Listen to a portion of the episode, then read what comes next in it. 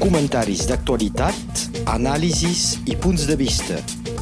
La crònica d'opinió amb el professor Joan Becat. Joan Becat, bon dia. Bon dia. Tractarem d'actualitat en aquest espai i començarem parlant de les eleccions del dia 14 de febrer a Catalunya Sud. Sí, són les eleccions autonòmiques, és a dir, pel Parlament de Catalunya. Perdoneu, els carrers de Perpinyà són fresquets al matí. Sí, pica un poc. Sí. Va ser com un regal de Nadal, car en els deu dies que van precedir se va conèixer cada candidatura i qui les enca encapçalaria. Ja s'havien perfilat fa temps, però quedaven dubtes. Ha començat, doncs, el tango del sondeig, passos endavant, passos endarrere. No en faltaran més durant eh, el mes i mig que falta.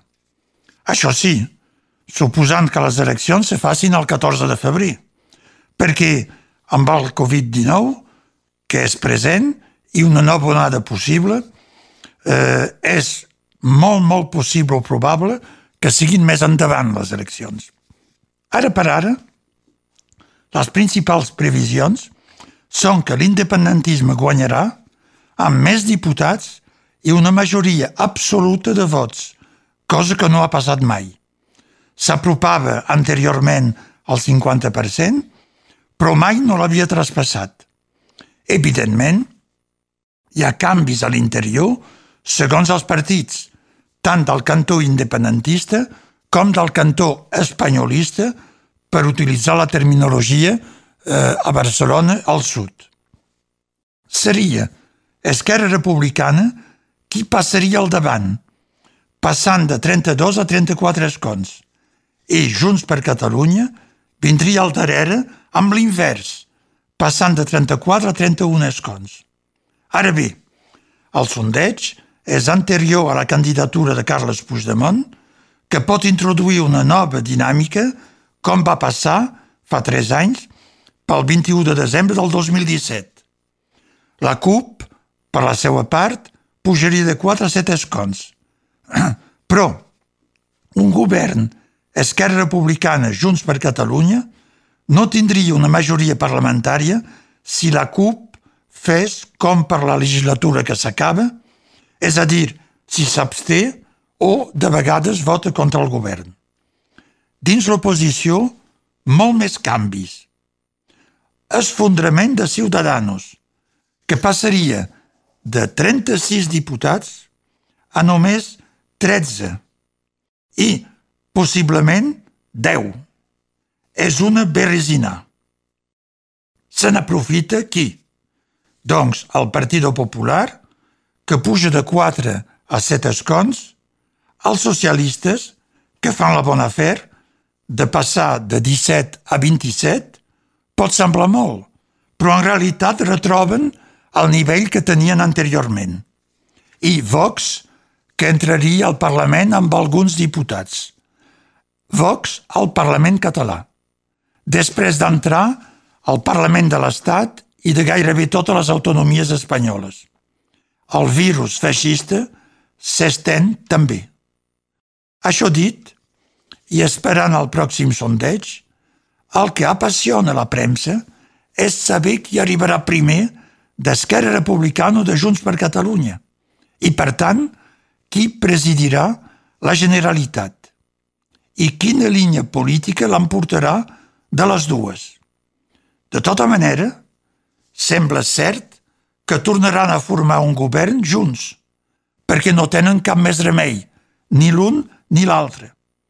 Esquerra Republicana parlava fa un any d'un tripartit amb els socialistes i els comuns, que són els hereus eh, dels comunistes i diversos esquerres i verds. Però el candidat Pere Aragonès ha declarat fa uns dies que era impossible governar amb els que retenen els presos polítics i el seu líder, Oriol Junqueras, que és sempre a la presó. Però això sembla una cosa a ús intern. És lògic i fins i tot diria que té moralitat política.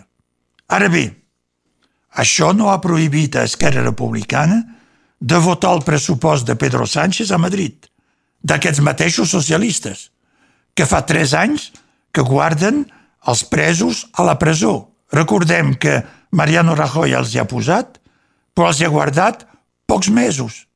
I fa tres anys que són a la presó amb els socialistes. Se pot, per tant, transformar l'adagi de Blaise Pascal, vérité en deçà des Pyrénées, erreur au-delà, se pot transformar en veritat a Madrid, error a Barcelona. Si és Junt per Cat que arriba primer, serà molt més senzill, perquè ells no tenen cap altre soci possible de govern que Esquerra Republicana. I la CUP, si s'hi volia posar, però sembla que no. Habitualment, és el cap de llista de la província de Barcelona que és candidat a la presidència de la Generalitat. No és alt de les altres províncies, Tarragona, Girona o Lleida. Doncs els candidats són Pere Aragonès per Esquerra Republicana i Carles Puigdemont, que s'hi acaba de posar, per Junts per Cat. S'entén per què aquesta circunscripció eh, és la que designa el president, perquè té 85 diputats sobre els 135 del Parlament de Catalunya, quan la província de Tarragona en té 18, la de Girona 17 i la de Lleida només 15. Les capçaleres de les dues llistes són també molt diferents. A veure, a Esquerra Republicana són tres militants fidels del partit que hi han fet la seva carrera. Per Aragonès, que acaba de fer 38 anys el mes passat, ha viscut pel partit, però també del partit, des de l'edat de 16 anys. És un que sempre ha tingut càrrecs dins del partit i n'ha viscut. La segona, Laura Vilagrà, alcaldessa de poble i diputada, eh, també és una política de professió. I el tercer és Roger Torrent, l'inconsistent president sortint del Parlament de Catalunya. A costat d'això, a Junts per Cat, després de Carles Puigdemont, hi ha Laura Borràs, professora universitària de Lingüística i recentment consellera de la Generalitat i diputada a Madrid, i el tercer és Joan Canadell, l'empresari independentista que ha guanyat la Cambra de Comerç de Barcelona a les forces conservadores i de dreta. Els principals punts de discrepància és això l'important. Entre les dues formacions independentistes són, d'una banda, la línia política i, d'altra banda, la interpretació que fan del, de l'1 d'octubre, del referèndum. Esquerra, per la seva banda, té una línia de prudència i d'espera. A França dirien d'attentisme, basada sobre la gestió de l'autonomia i el pacte amb el govern de Madrid, diguin el que diguin. Junts per Cat té, a l'invers, una línia voluntarista de confrontació amb l'Estat, a Catalunya, a Madrid i a Europa. Esquerra Republicana diu no són prous, cal més votants i esperar més eleccions encara. Considera que l'1 d'octubre va ser una etapa i que cal girar full, cal passar altra cosa i cercar un altre camí. Junts per Cat, per la seva banda, considera que el referèndum de l'1 d'octubre és vàlid, que és un mandat i que la declaració d'independència del 27 d'octubre 2017 s'ha de fer efectiva a partir d'ara, dins aquesta legislatura. Per Junts, el referèndum ha donat més votants que qualsevol altre referèndum fins ara a Espanya o que el Brexit, tot i que el referèndum va ser truncat. És veritat, perquè el sí al referèndum per la independència a Catalunya va tenir 38% de tots els electors, fins i tot els que no voten. I el sí al Brexit va ser només de 37%, tot i que era majoritari dins els votants. I sobre aquesta base de 37% s'ha fet el Brexit i no s'ha fet cap altre referèndum. Per tant, diuen que amb 38% el referèndum de, del 1 d'octubre és vàlid i s'ha d'aplicar. Aquestes dues línies van ser afirmades i reafirmades recentment.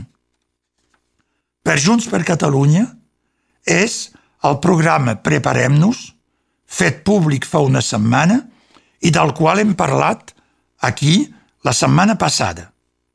Per Esquerra Republicana és un interviu del cap de llista Pere Aragonès de fa 10 dies on diu, citació, cal sumar molta més gent a la causa. I el trobem també dins el seu llibre, el seu pensament, llibre que es diu Per Aragonès, l'independentisme pragmàtic, on diu que han de ser 70-80% a favor d'un altre referèndum i no un 50%. S'entén que vulguin esperar. Fa tres mesos, el president del partit, Oriol Junqueras, sempre a la presó, declarava, citació, una confrontació amb l'estat espanyol porta a perdre. Per tant, no es volen confrontar. Per tant, dos punts de vistes oposats per, en principi, un mateix objectiu. Ho seguirem. Tornarem a parlar de política sud-catalana d'aquí uns minuts, però ens interessa un altre fet important d'actualitat, com és el coronavirus. Sí, perquè ara tenim vacuna, o vacunes, contra el coronavirus. Els últims dies han arribat les primeres vacunes a tots els estats europeus, arreu al mateix dia, des del laboratori belga que les fabrica sota llicència americana, llevat d'uns quants països de l'est de la Unió Europea on arribaran d'altres laboratoris. Són productes gratuïts i pagats per la Unió Europea, que ha negociat per tots els estats la quantitat i el preu, per assegurar igualtat entre tots els ciutadans europeus. Ho trobo molt bé. És una molt bona cosa, perquè tothom pot veure la utilitat de ser units. I jo crec que hauria de passar per molts altres temes. Això dit, les caixes i containers de vacunes congelades van ser filmades arreu. Llur arribada a cada estat i les primeres persones vacunades van saia a les televisions de tots els països, com si fos un regal de Nadal. Això ha fet aparèixer un detall. A tot arreu, les caixes de cartró portaven, com és normal i útil, les indicacions del laboratori del contingut – llevat d'Espanya, on el govern havia pagat caixes especials que portaven a fora, a tot color, la bandera espanyola, l'escut de la monarquia i Gobierno de Espanya. Que tenien por que se perdessin les vacunes. Que era Espanya que havia fet la vacuna i no els americans, alemanys i belgues. O és que era tot simplement propaganda? És el que em crec. Això volia dir, mireu què fa el govern d'Espanya per vosaltres i no recordeu més les desenes de milers de morts que ha provocat aquest govern per la seva incúria. A França s'ha començat a vacunar, però com feia el camí la tortuga de la faula de la Fontena, a poc a poc unes quantes vacunes ara per fer les fotos, després deixarem passar festes, després seran els pensionaris del EPAT, ep, que durarà tres mesos.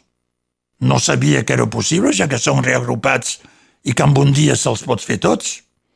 A la primavera serà la gent gran i cap a l'estiu, qui vulgui. És com si s'esperés que arribin altres vacunes, com la, per exemple, de l'Institut francès, Pasteur, a finals del 2021. Això significa, parlem clar, que si la gent vacunada serà protegida, els altres no. El coronavirus continuarà escampant-se sempre, durant tot l'any 2021. Haurem de continuar a ser prudents i és probable que coneixerem encara tot l'any restriccions de moviments i tancaments de comerços i activitats. Però, aquesta vegada, amb l'esperança, al final, d'una solució real. I a l'actualitat, doncs, com ho dèiem, després del coronavirus tornem a parlar de política. Ens vols parlar de Carles Puigdemont, que fa de James Bond? Sí. Ah. Ha fet de periodista, sí. després ha fet alcalde, sí. després de president de la Generalitat, ara és diputat europeu, me té recança de fer pel·lícules aquestes de, de, de, de lladres, d'espies i de cinema. En tot cas, m'ho crec ara. És l'anècdota de la setmana. És autèntica i és efectivament digna de les pel·lícules d'en James Bond. No veig cap altra comparació possible. Se'n parla i se'n parlarà. Però no resisteixi al ple d'us-ho explicar com qui sall d'un cinema i comenta la pel·lícula als amics.